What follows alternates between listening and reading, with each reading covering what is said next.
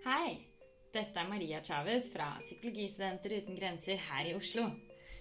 Som vi har snakket om i tidligere episoder her i Grenseløs, så er det ikke noe tvil om at diskriminering skjer også her i Norge. Det har fått oss til å lure litt på hvordan det funker å være en minoritet i jobber som innebærer mye kontakt med hele befolkningen. Derfor jobber vi nå med å arrangere en konferanse som skal holdes i juni om diskriminering av helsepersonell. Med mange spennende innlegg om alt fra arbeidsgivere for helsepersonell, organisasjoner som jobber for ulike minoriteter, og undersøkelser av diskriminering av helsepersonell og masse annet. Så her er det bare å følge med på plattformene våre, hvor det kommer mer informasjon etter hvert. Men i dag hadde vi tenkt å gi deg en liten teaser. Vi har nemlig fått med oss Rosa kompetanse på besøk for en podkastepisode om diskriminering av helsepersonell. Håper dere liker den. Hei! Hei. Da var vi her med Rosa kompetanse. Mhm. Ja, hyggelig. Veldig hyggelig at dere hadde lyst til å komme. Um, uh, kan ikke dere snakke, snakke litt om Introdusere deg selv, Ja. først og fremst, og Rosa kompetanse litt som organisasjon? Ja, absolutt. Yeah. Nei, takk for at vi har blitt invitert hit. Mm. Det setter vi stor pris på.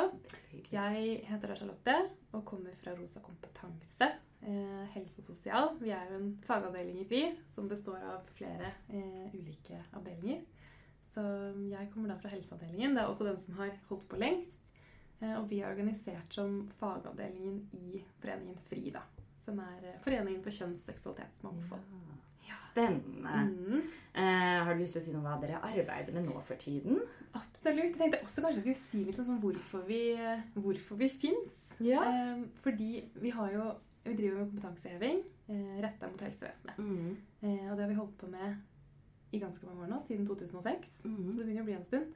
Eh, og bakgrunnen for det var jo at, eh, at man så i helse- og levekårsundersøkelser allerede på tidlig 2000-tall da, eh, at lesbiske og homofile, det var de man hadde forskning på da, kom mye dårligere ut på helse og levekår Mm. enn det majoritetsbefolkningen gjorde.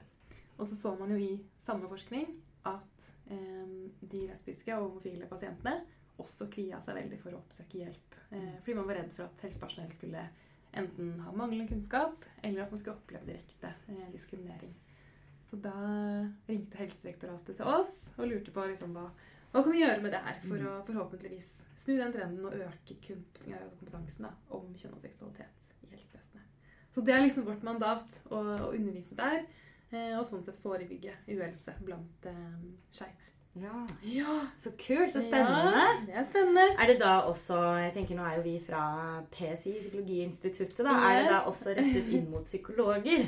Det er det så absolutt. Vi underviser masse psykologer, både altså kliniske psykologer, men også da eh, de av oss med eh, master i psykologi, bachelor i psykologi. Så vi er jo Mm. inne og treffer, treffer psykologistudenter overalt, egentlig. Både Mm. da som, som studenter, men også ute i arbeidslivet. Ja. Det er jo gull verdt for oss. Ja, ja, ja, ja. Eh, så kanskje sånn i starten Det er jo ganske mange begreper og uttrykk Ja. som svirrer rundt. Hvilke begrep bruker dere for å Mm. omtale personer som har en minoritetsidentitet knyttet til seksuell orientering eller kjønnsidentitet? Og hvem refererer egentlig dette til? Ja. Det er jo, eh, jeg husker Da jeg begynte jobben i Rosa, så syntes jeg det var helt sånn her, det er så mange begreper, og det føltes som et hav av begreper, og det var sånn sjukt overveldende.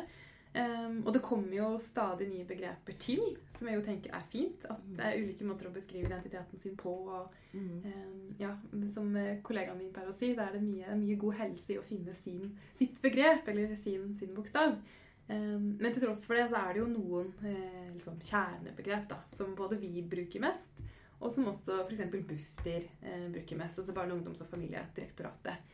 Som jo står for mye av, av forskningen på feltet Mm. eh, nasjonalt sett. da. Um, men av de begrepene som jeg ville trukket fram som mest sentrale, er eh, kanskje først og fremst begrepet skeiv.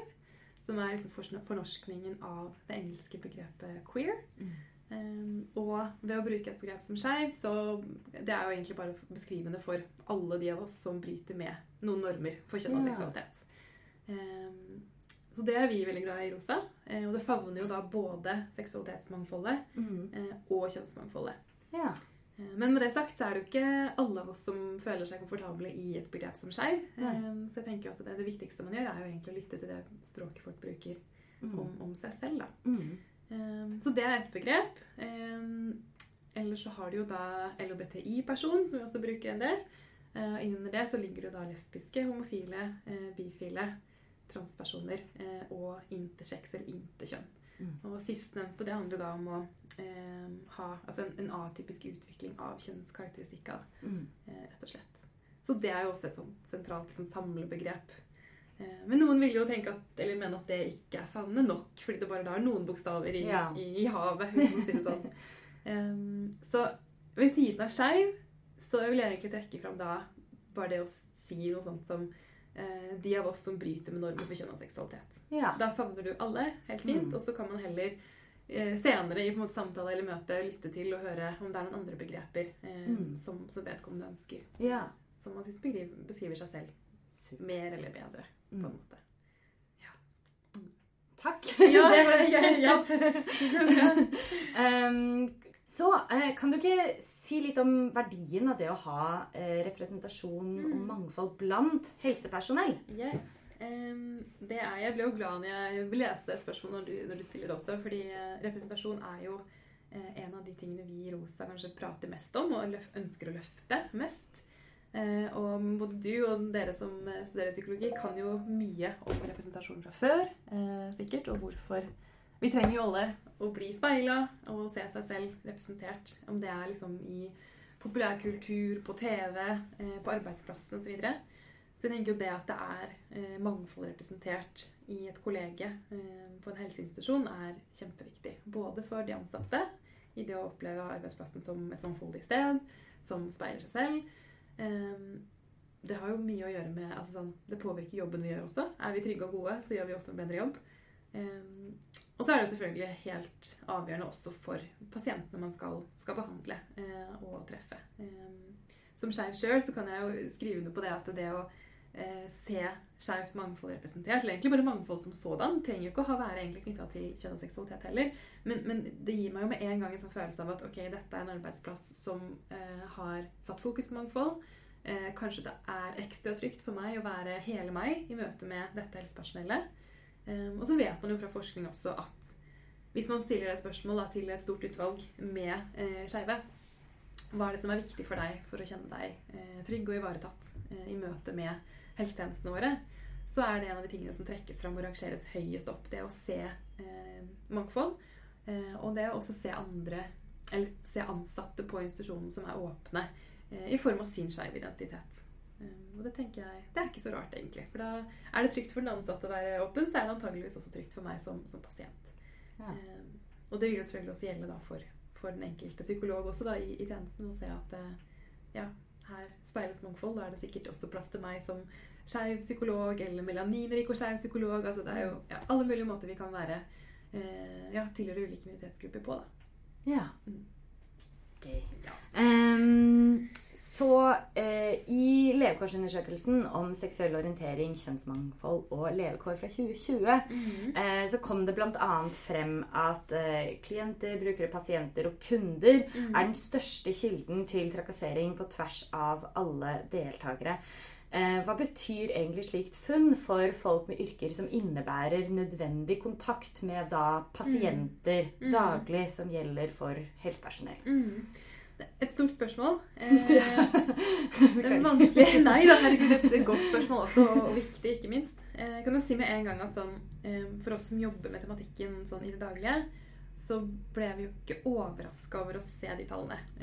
For vi erfarer jo i møte med de vi treffer ute på kurs, og fra annen forskning osv., og forskjellige kartlegginger at, at mange eh, skeive eller andre med minoritetstilhørighet i helsevesenet rapporterer jo om det her. At man opplever, man opplever diskriminering, man opplever rasisme, man opplever homofobi, transfobi osv. Um, ehm, og det er jo kjempestor, en kjempestor utfordring. Jeg tenker sånn Særlig da, som du er inne på også i selve spørsmålsstillingen, så er man jo som helsepersonell, i hvert fall mange av oss, i eh, daglig kontakt med pasienter. Kanskje man treffer 20 pasienter hver dag, og man er jo sånn sett litt ekstra utsatt. Um, så ja, hva skal man egentlig si? Det betyr jo at man, man, man eh, vil være litt særskilt sårbar, antageligvis. Mm. Eh, og man vil være avhengig av å ha en arbeidsgiver som setter fokus på diskriminering og trakassering. Um, og så sier det jo litt om at man Selv om arbeidsgivere er jo altså er jo lovpålagt å forebygge diskriminering på, på arbeidsplassen. Både da diskriminering av egne ansatte, men også da at eh, pasienter og brukere ikke skal oppleve det. Men jeg tenker det at vi ser såpass høye tall i forskningen, sier jo noe om at de strukturene og systemene, varslingsrutiner og alt sånne ting, er jo ikke på plass eh, enda heller Mm. for, å, for å forebygge det godt nok. Mm. Um, mm. Så det vil jo kreve en særskilt bevissthet, tenker jeg, som for, for eh, kommende psykologer f.eks., som, som hører på, på podkasten, i å reflektere liksom litt rundt det. Hvordan, hvilke situasjoner kan jeg komme til å stå i? Mm. hvordan, hvordan kan jeg håndtere det? Mm. Uh, hvordan kan jeg gjenkjenne diskriminering og trakassering? Det er jo ikke alltid så lett, det heller. Um, noen ting er jo veldig sånn eksplisitt og helt tydelig, mens andre former for diskriminering er mye mer implisitt og vanskelig å fange opp. Ja. Det er jo typisk det når vi snakker om mikroaggresjoner. Ja. Mer sånn subtile bias, subtile ting. Mm. Så jeg tror det å ha strategier for, for å liksom gjenkjenne det også, Ja. er viktig for å forebygge. Ja. Ja, det var mange, mange små svar til et stort spørsmål. Mye viktig. Um, så på funnet så var det jo litt sånn uh, Virket det som det liksom med høyere forekomst av trakassering Mm. uh, var litt sånn på tvers av minoritetsidentiteter. Mm. Men eh, tror du allikevel at trakassering på kan kanskje utspille seg, men også oppleves Mm. annerledes for helsepersonell som er uh, minoriteter i kjønnsidentitet eller seksuell orientering? Åh, det er også vanskelig å svare på. Jeg tror det er eh, veldig sånn altså, individuelt, selvfølgelig. Um, og så er det jo noe veldig sånn Hva skal man si? Universelt på en måte i det å oppleve diskriminering og, og ulike former for minoritetsstress.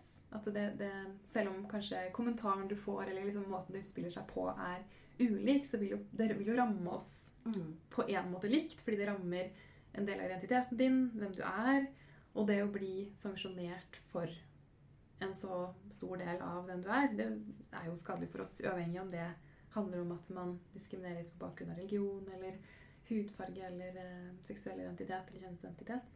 Så, så jeg tror først og fremst at det er mye liksom, likt i det. Um, og så tror jeg som helsepersonell at det er en liksom ekstra dimensjon i det at man liksom det liksom opp til å snakke om på en måte liksom makt og sånn i en sånn situasjon. Så er man jo som behandler så har man jo en viss form for makt over en pasient. Mm. eh, I form av at pasienten kommer jo til behandling, er kanskje i en ganske sårbar og utsatt posisjon. Eh, og da vil man jo tenke at det er jo du som helsepersonell som måte har den ja, liksom flåste sagt av en maktovertak i en sånn situasjon. da. Ja. Eh, og så kan det allikevel være da du som helsepersonell som opplever diskriminering. Mm. Så det der å liksom ta hensyn til alle hva skal man si, rollene i det rommet, og hvordan det da kan skifte og påvirke eh, hvem som sitter med makta i et rom også, Ja. eh, tror jeg jo blir en sånn der helt egen greie som du som helsepersonell skal balansere ut. da, og, um, og i det å skulle respondere på, på diskriminering fra en pasient, Ja. kan det også være sånn en sånn vurdering av å Hvis jeg sier noe på dette, da, si at Mhm. jeg blir utsatt for Jeg får høre at jeg, jeg får høre jævla homo, for jeg hører fra en pasient. Mm. Og så er det kjempeubehagelig, men jeg vet at hvis jeg går veldig hardt ut og på en måte sier ifra om at det er ugreit, så kan det hende at jeg er en pasient som, som er i en såpass sårbar situasjon eh, at jeg kan eskalere en situasjon ved å Mm. liksom gå hardt inn. Eh, så jeg tror det er ja, ekstremt mange hensyn å ta. En veldig sånn vanskelig Akkurat den der diskrimineringen som retter seg mot helsepersonell, er skikkelig tricky på, på veldig mange plan. da. ja. Um, ja, jeg, har, jeg merker at jeg har ikke noe klart svar til deg. Men det er jo ikke sånn- sikkert det er et klart svar. Nei, Eh, nei. Og det er jo kanskje derfor diskusjoner om temaet er viktig. Det er det absolutt. Jeg så nå faktisk eh, det for noen uker siden at Aftenposten skal gjøre en sånn kartlegging nå av diskriminering retta mot helsepersonell. Nei. Jo, altså Det har vært altfor lite, det har vært alt for lite fokus på det. Og så får vi de tallene fra Bufdir, som jo er gull verdt. Så ser man jo fra f.eks. Sverige også at, at eh, mange opplever diskriminering eh, i helsevesenet. Eh, alt fra, da, fra pasienter, fra overordna osv. Men, men jeg synes det var veldig kult å lese at Aftenposten skal ta litt, eh, litt tak i det. Og Ja. kartlegge det sånn fra mm, norsk kontekst. Ja, det er veldig sant. Det trengs. Det er sant. Ja. um, Eh, ja, jeg bare lurer på, fordi liksom I det eksempelet jeg tok frem da, fra den levekårsundersøkelsen, så er det jo liksom definert som uh, trakassert på arbeidsplassen minst én gang siste tolv måneder. Og så bare lurte jeg på litt det du var inne på med litt mer sånn subtile former uh, som også kan oppleves belastende. Tenker du det er noen på en måte diskriminering som innenfor mot skeive eller minoriteter der som eh, kanskje ikke vil på en måte registreres engang i spørsmål om trakassering. Mm. Absolutt. Jeg tror jeg var inne på noe, på noe viktig. Um, og det er jo, som du sier selv også, alle de um, Ja, mikroaggresjon nevnte jeg så vidt i stad. Uh, mikroaggresjon er jo da en, en form for minoritetsstress en form for diskriminering. Den mer sånn subtile varianten. Uh, implisitt diskriminering. Og det kan jo være alt fra liksom mm, kommentarer som kanskje Altså i kontekst av f.eks. hudfarge, da, hvis du får spørsmål om hvor er du egentlig fra, Mm. eller eh, folk konstant feilkjønner kona di og bruker pronomen 'han'. Mm. Eh, altså sånne små ting i hverdagen som kanskje er vanskelig selv å fange opp som at ok, dette Man merker at det gjør vondt, man merker at det treffer, og at det er ubehagelig, men, men man klarer kanskje ikke helt å sette fingeren på det. Eller, Mm. sånn, eller man kan kjenne at det er ikke det er ikke stort nok Mm. til å kalle diskriminering, kalle det diskriminering. Men, men det er det jo, for det er jo summen av alle de småtingene gjør at vi blir syke Ja. eh, og får det skikkelig kjipt. Så jeg, jeg tror du er inne på noe viktig der i at, at spørsmålsstilling eh, og egentlig den generelle bevisstheten om mikroaggresjon da, er altfor lav. Og at verken ledelsen på en arbeidsplass eller eh, vi som arbeidstakere har nok på en måte kompetanse om de subtile formene for diskriminering da, Ja. til at det fanges opp. Til at det registreres, varsles om avvik, altså de tingene der. Mm. Um, så jeg tror at en nøkkel er jo, er jo altså kompetanseheving først og fremst. I å, og det å kunne forstå hva det er som skjer med meg. Hvorfor kjenner jeg dette ubehaget? Jo, det er kanskje summen av alle de små tingene. Mm. Um, som igjen da er knytta opp mot normene i samfunnet vårt. Ja. Heteronormer, uh, cis-normer Mm. osv. Mm. Mm. Em, tenker du her at det kanskje kan være noen forskjeller i utfordring avhengig av type helsepersonell? Altså yrket der, om man er psykolog eller lege eller sykepleier eller bioingeniør? Mm. Det er vanskelig, vanskelig å svare på det, egentlig. Jeg, jeg tenker at du er jo som på en måte behandlende lege eller psykolog eller sykepleier, så er det jo mer sånn direkte pasientkontakt enn kanskje som, som bioingeniør hvis du er inne og tar en blodprøve og går igjen. Men det er klart du kan jo fint rekke å bli diskriminert i den tida du er inne og tar en blodprøve eller den type ting. Um, så jeg tenker at det handler mye om, om på en måte grad av eh, pasientkontakt, egentlig. Eh, Men at Jeg vet ikke om det oppleves annerledes. Som, som klinisk psykolog er man jo i en rolle hvor man kanskje i større grad liksom Hva skal man si? Man skal jo ha samtaler, fortrolige samtaler om ting. Mm. Um, og det kan jo gjøre jobben enda vanskeligere hvis diskriminering på en måte kommer i veien og um, pasienten på en måte ikke er mottagelig for, for deg som behandler. da Ja. så vil jo det bli ganske problematisk. Tenker En, en eh, sykepleier eller lege får jo antageligvis undersøkt det kneet eller satt den sprøyta, eller hva enn man skal Mm. gjøre. Men, men akkurat den der psykologiske behandlingen vil jo bli vanskelig. Det handler jo, altså, det er en gjensidig tillitsforhold det er jo helt sentralt Ja. um, i, i klinisk psykologi. Så ja, det, det skaper nok enda større vansker, vil jeg tro, uten å ha noe liksom sånn forskningsbelegg for å si det, um, i klinisk behandling som psykolog. Ja. ja. Um, For det forringer jo hele tilliten eh, begge veier.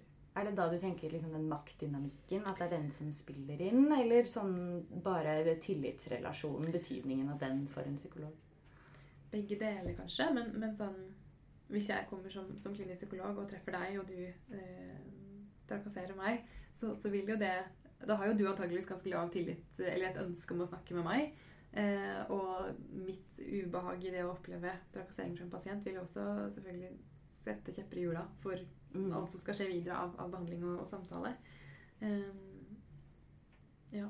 Og så er det jo noe med det at man kommer inn da med de profesjonelle brillene på seg og skal jo skal si, Vi skal jo være trent til å håndtere de situasjonene også, men, men jeg tror jo det er Særlig i klinisk psykologi så vil det være utrolig vanskelig eh, når man opplever de da, eller får diskrimineringserfaringer fra pasienter.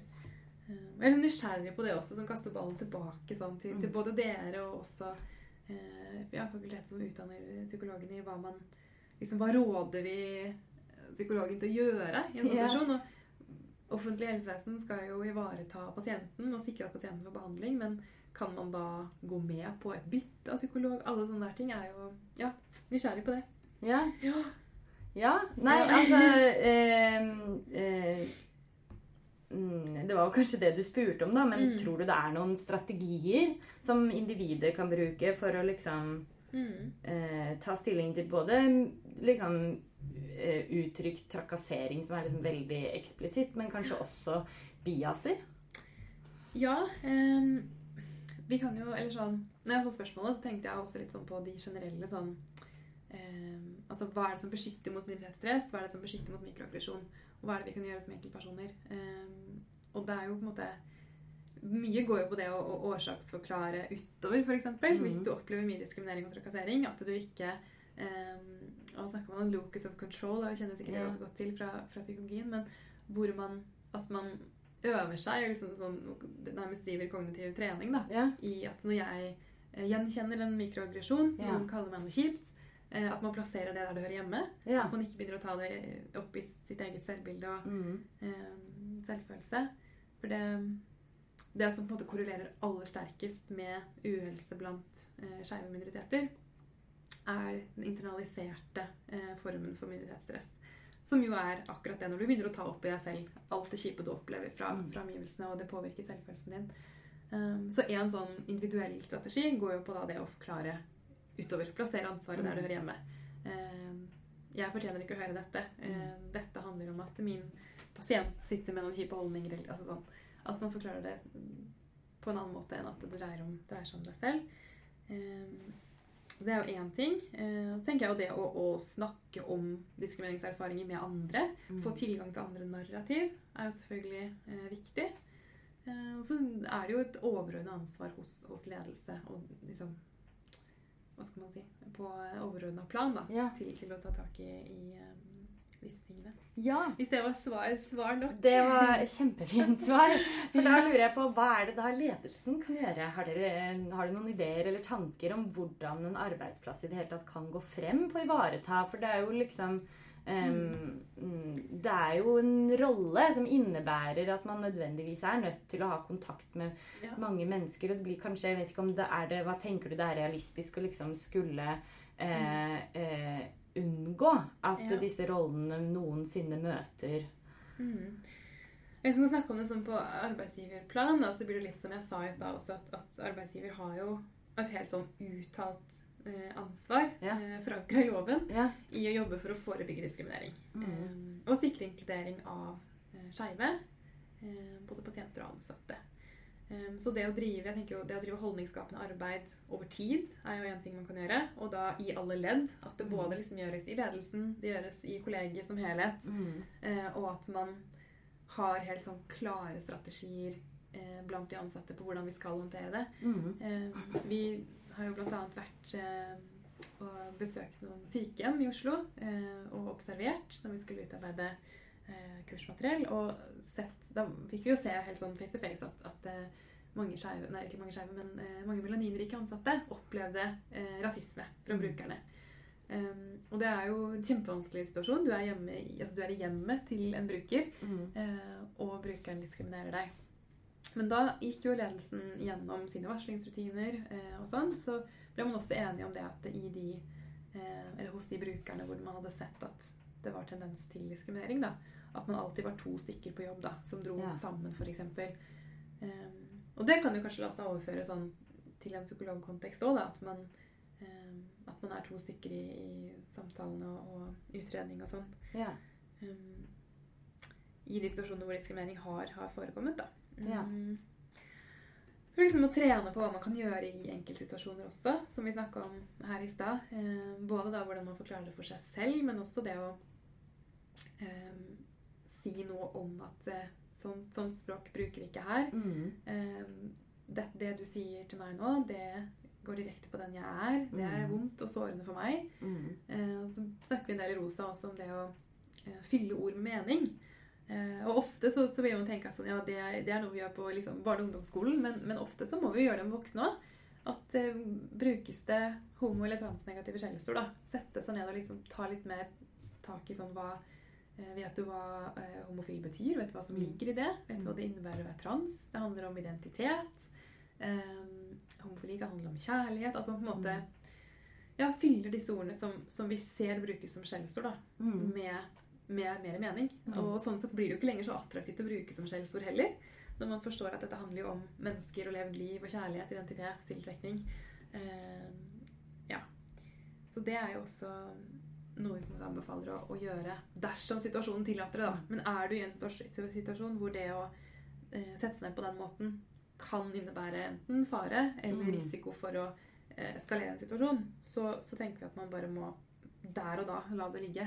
Mm. Men, eh, men der det er rom og mulighet, og det kjennes trygt, så, så anbefaler vi å, å ja, prøve å i hvert fall bryte inn og si noe om at dette er ikke helt greit. Ja. Men selvfølgelig gjør det på en mild, mild måte, da, så ikke man ender opp med to steile, ja.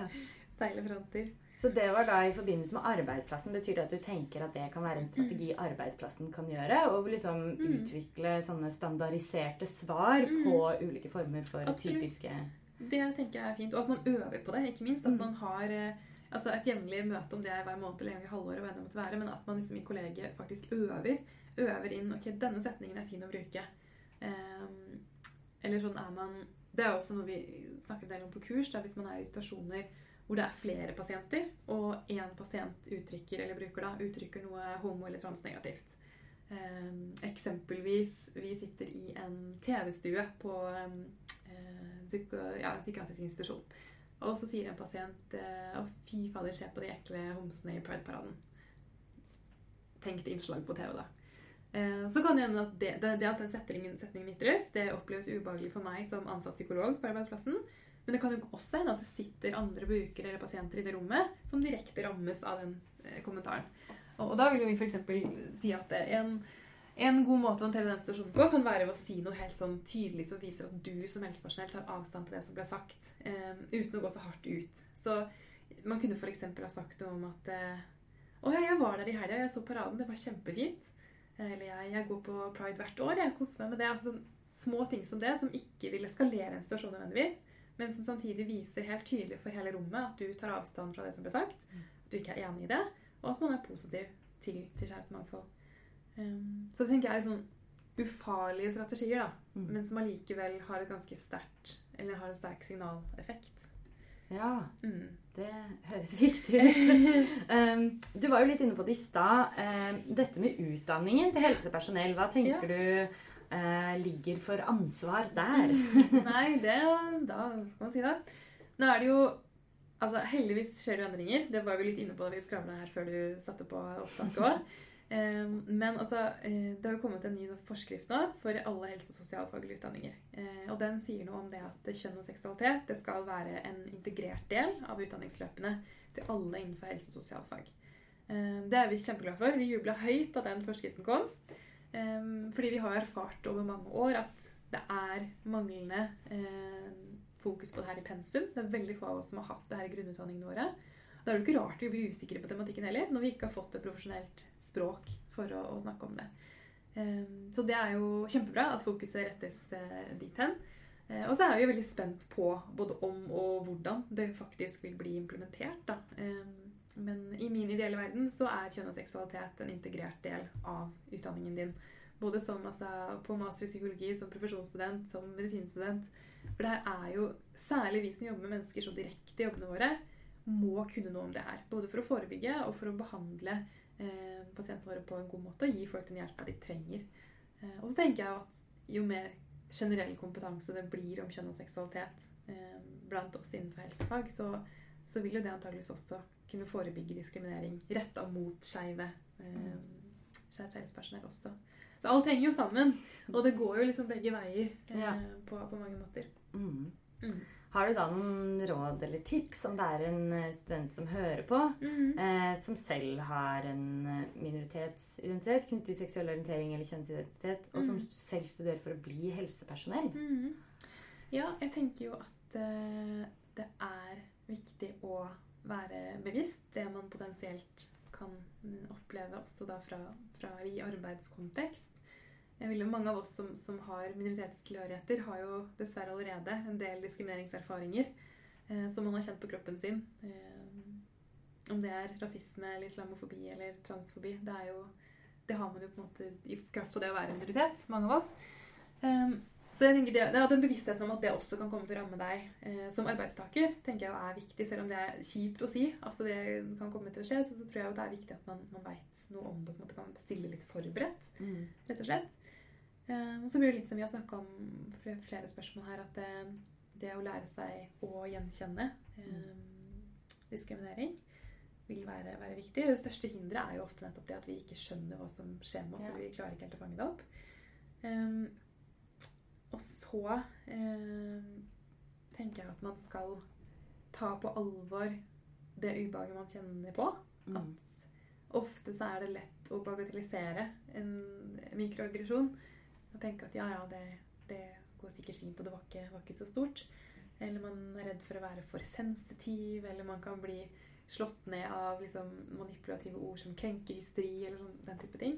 Så jeg tror det å også øve seg på å liksom kjenne at det, si til seg selv at det er greit og det er viktig at jeg erkjenner for meg selv at dette var ubehagelig.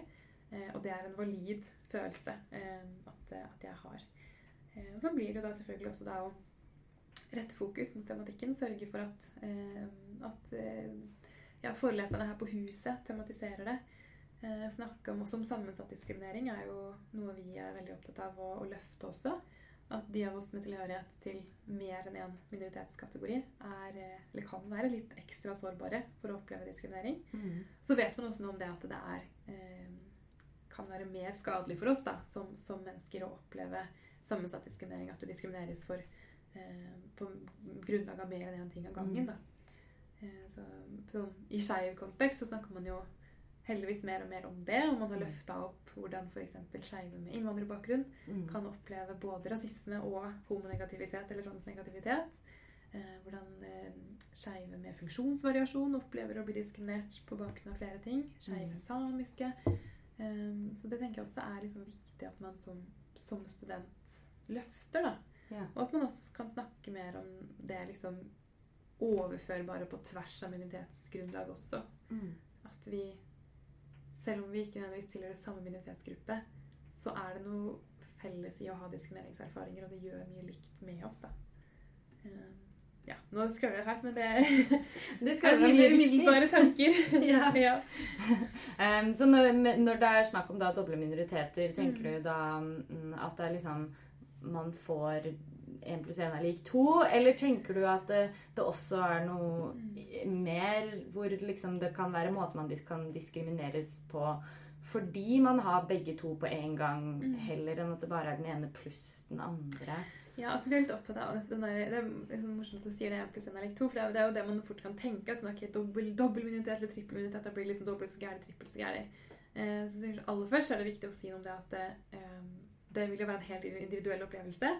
Um, og også bare avlive med en gang den der at det å være eh, å ha, være dobbel minoritet eller trippel minoritet, det, det, trenger jo ikke å innebære noe ekstra eh, risiko heller, men, men, det kan gjøre det. Og at det kan, kan ta ulike former. Men, men, det er jo nettopp det der sammensatte i det, det at du opplever at du angripes på bakgrunn av flere liksom, viktige deler av deg selv. At det kan gjøre ekstra vondt og være ekstra skadelig for oss. Så, så, sånn sett kan man jo snakke om en slags 1 pluss 1 eh, variant. Men ikke nødvendigvis. Det er jo mm. et sammensatt bilde, og vi er like, like ulike eh, som vi er like, skulle jeg si. Um, alle mennesker. Um, men det er jo også Ja, nei, jeg syns det er en del interessante nyanser i, i nettopp det med sammensatt diskriminering også. Hvordan hva Når vi gjør et kurs, da, så snakker vi jo Vi har jo ofte med oss liksom refleksjonsoppgaver og, og tematiserer jo blant annet da um, melaninrike skeive, altså skeive eh, som er melaninrike. Og det vil jo veldig ofte være en sånn antagelse blant helsepersonell da, om at eh, ok, Farida fra Iran, som er lesbisk, hun har helt sikkert opplevd masse homonegativitet eller transnegativitet. Eh, ikke transnegativitet, hun sa jo homofil. Eh, fra sin familie. Kan det være en sånn eh, enkel fordom som, som vi kan ha. Eh, og ja, det kan hende det er opplevelsen til Farida, men det kan jo også hende at Farida opplever vel så mye stress og diskriminering knytta til det, den forventningen om at det har vært så vanskelig for Farida å være lesbisk og ja. fra Iran. At man på en måte, Det er noen sånne antakelser vi gjør oss basert på stereotypier. da, som gjør at vi går i mange feller. Og eh, i, sånn, i, den store undersøkelsen blant eh, skeive med innvandrerbakgrunn så ble jo nettopp det trukket fram. Det å hele tiden måtte på en måte korrigere folks antakelser, feilaktige antakelser, da, om at det hadde vært ekstra vanskelig um, å være skeiv i kraft av å også være etnisk minoritet. For noen av oss så vil det være sannheten, men ikke for alle. Så det blir jo hele tiden den der, altså jeg tenker Jobben vår er jo egentlig bare å lene oss tilbake i stolen og kartlegge, utforske. Uh, og ikke anta noen ting om noen før vi, uh, før vi vet det, eller får det, får det bekrefta. Ja. En liten digresjon der. Ja, men, eh, Viktig. ja. Eh, så det vil da være en form for mikroaggresjon, da, som du var inne på i stad? Eller ja, det, er Ja. disse med Ja, antakelsene? absolutt. Klass, ja, det er et klassisk eksempel på en mikroaggresjon. Ja. Mm. Men tenker du, for du nevnte noe med liksom at man da som student kan forberede seg ved å liksom lære mer om det. Har du Mm. forslag til litteratur eller steder man kan gå for å lære mer Mm. om det? Altså, eh, Aller først vil jeg invitere alle med på et rosakurs. Det, og Ja. Dere må gjerne si til ledelsen her at dere ønsker det, så kommer vi gjerne å, å snakke mer om, om tematikken. Eh, så er det mye forskning. Jeg kan sende ut eh, litt til deg, som Mhm. du kan dele med, med de som hører på, på podkasten. Ja. Eh, vi har jo ny levekårsforskning i Norge som, som gir et liksom overordna blikk på eh, skeiv- skeive liv og status på feltet i, i dag.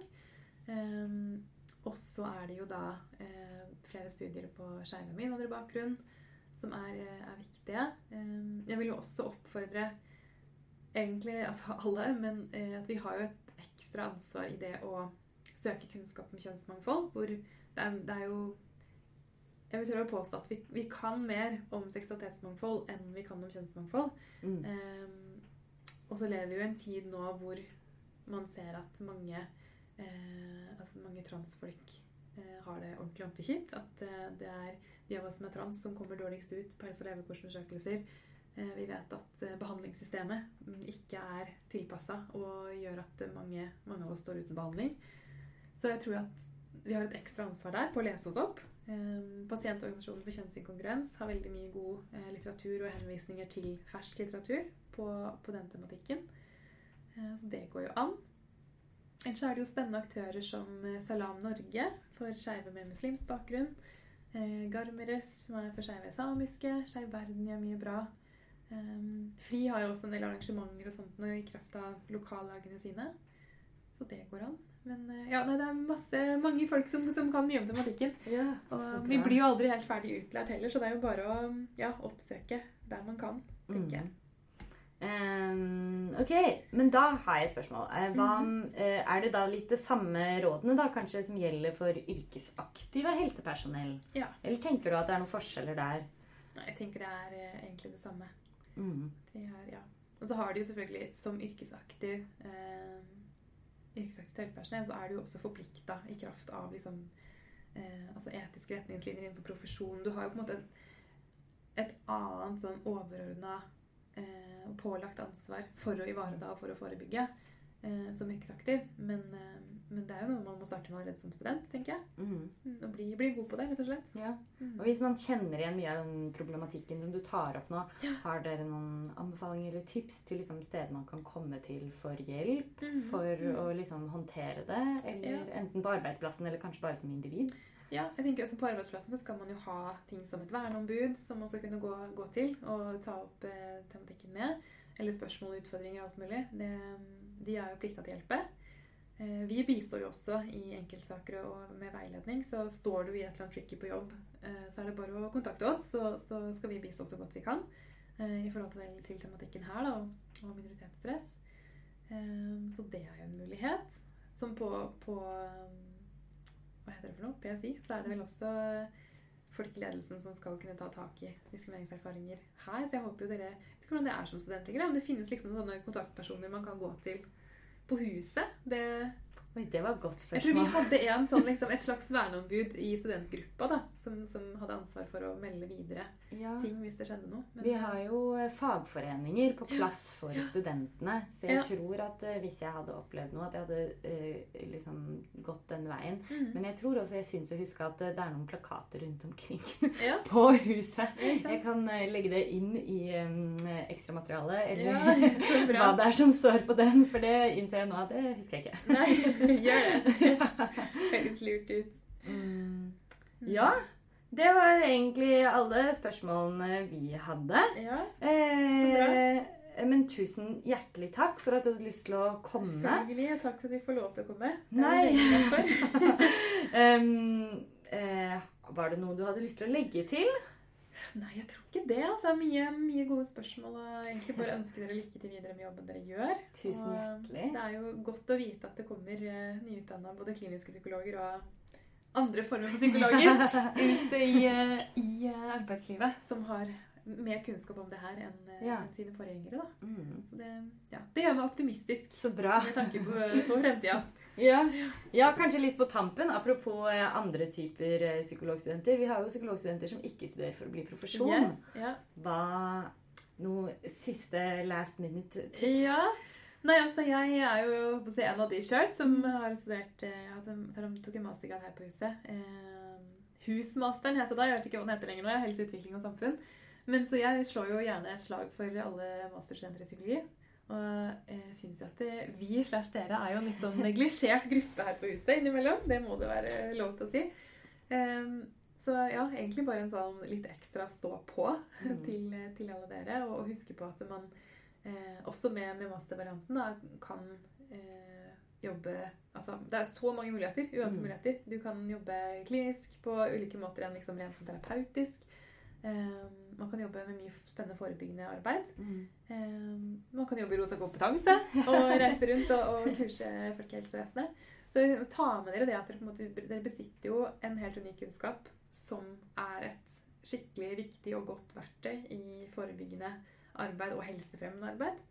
Eh, Så det ja, vil jeg at dere skal ta med dere. Og liksom, ja, en sånn litt sånn boost i at eh, jobben, altså studiet deres er viktig, og jobben dere skal gjøre seinere, er også viktig. Og at man kan gjøre en stor forskjell for, for eh, ja, ikke bare folk som sådan, men, men også skeive eh, dere kommer til å treffe i, i yrkeslivet deres. Ja. Ja. Da vil jeg si tusen takk Jo. igjen. um, det var vel egentlig alt. Ja, ja men takk for meg.